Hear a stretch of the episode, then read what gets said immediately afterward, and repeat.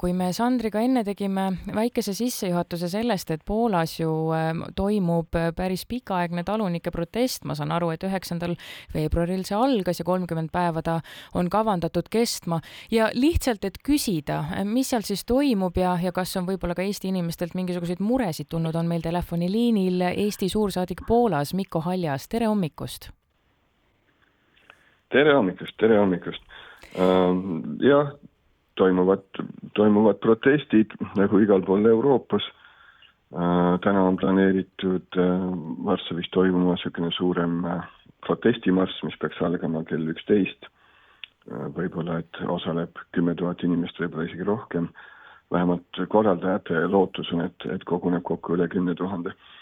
aga võrreldes, võrreldes sellega, mis teistes Euroopa linnades toimub, on on lootust, et siin läheb siiski suhteliselt rahulikult, ehk siis traktorid kesklinna ei sõida ja kumme põlema ei panda Mikko Haljas, küsimus võib-olla ka üleeilse AFP BNS-i artikli kohta, et siis kirjutati, et Poola talunikud blokeerisid tähtsa Saksa piiripunkti.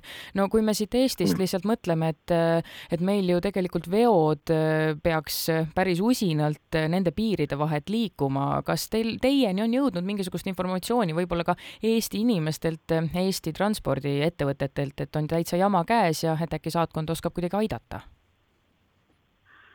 Neid pöördumisi on olnud, aga seoses mitte selle Saksamaa piiriga ja see oli ka äh, kui ma ei ole just valesti aru saanud, ühepäevane hoiatusprotest, ehk siis ta oli planeeritud pikemalt, aga, aga lõpuks nad ikkagi leppisid kokku äh, lühikesega.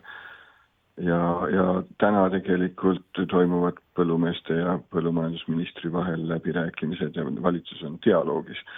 Ähm, aga äh, ettevõtjate või ka vedajate või siis kas või ka humanitaarabi Ukrainasse viijate probleemid on rohkem seotud Ukraina piiripunktidega, sest need on blokeeritud juba pikemat aega praegult põllumeeste protestide poolt, ennem vedajate protestide poolt.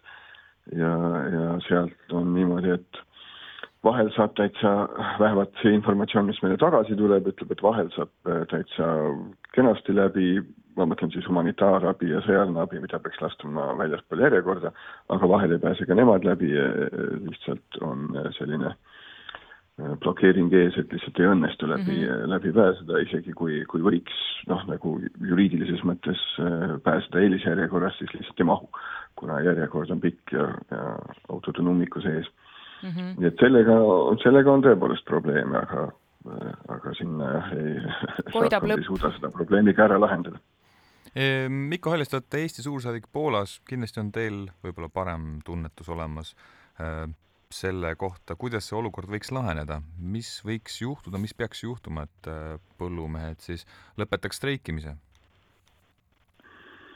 no mis peab juhtuma, on, ongi ka juhtumas, ehk siis kõigepealt Poola valitsus peab, peab läbirääkimisi põllumeestega, võtab nende muresid kahtlemata ka tõsiselt, mida me näeme, et, et noh, Poola tõstatab ka Euroopa tasandil äh, selle, kas need äh, vabaduse, ehk siis see vaba turule pääs, mis, mis Ukrainale võimaldati, kas see on põhjendatud, kas seda tuleks jätkata ja, ja tegelikult Poola tahaks taastada mingisugust kvootide süsteemi ja teine pool on see, et, et Poola ja Ukraina läbirääkimised jätkuvad ja kolmas on siis, äh, osa on ka see, et et äh, rohepööre on see, mis, mis teeb ka Poola põllumeestele muret, nii nagu põllumeestele üle Euroopa, nii et noh, selles osas jätkuvad liikmesriikide ja komisjoni läbirääkimised ja nõupidamised, kuidas täpselt edeneda.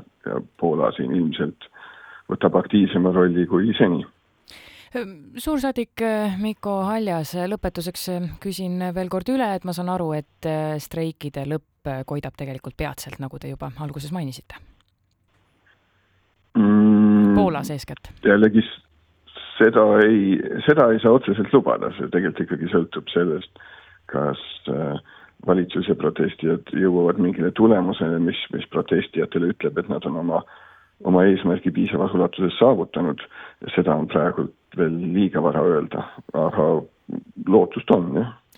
BBC, CNN, kõik ju äh, neid kaadreid meile näitavad, kuidas Poolas äh, äh põllumehed on tänavatel oma põllutöömasinatega, millest räägivad täna näiteks või rääkisid eile siis need Poola ajalehed ja portaalid?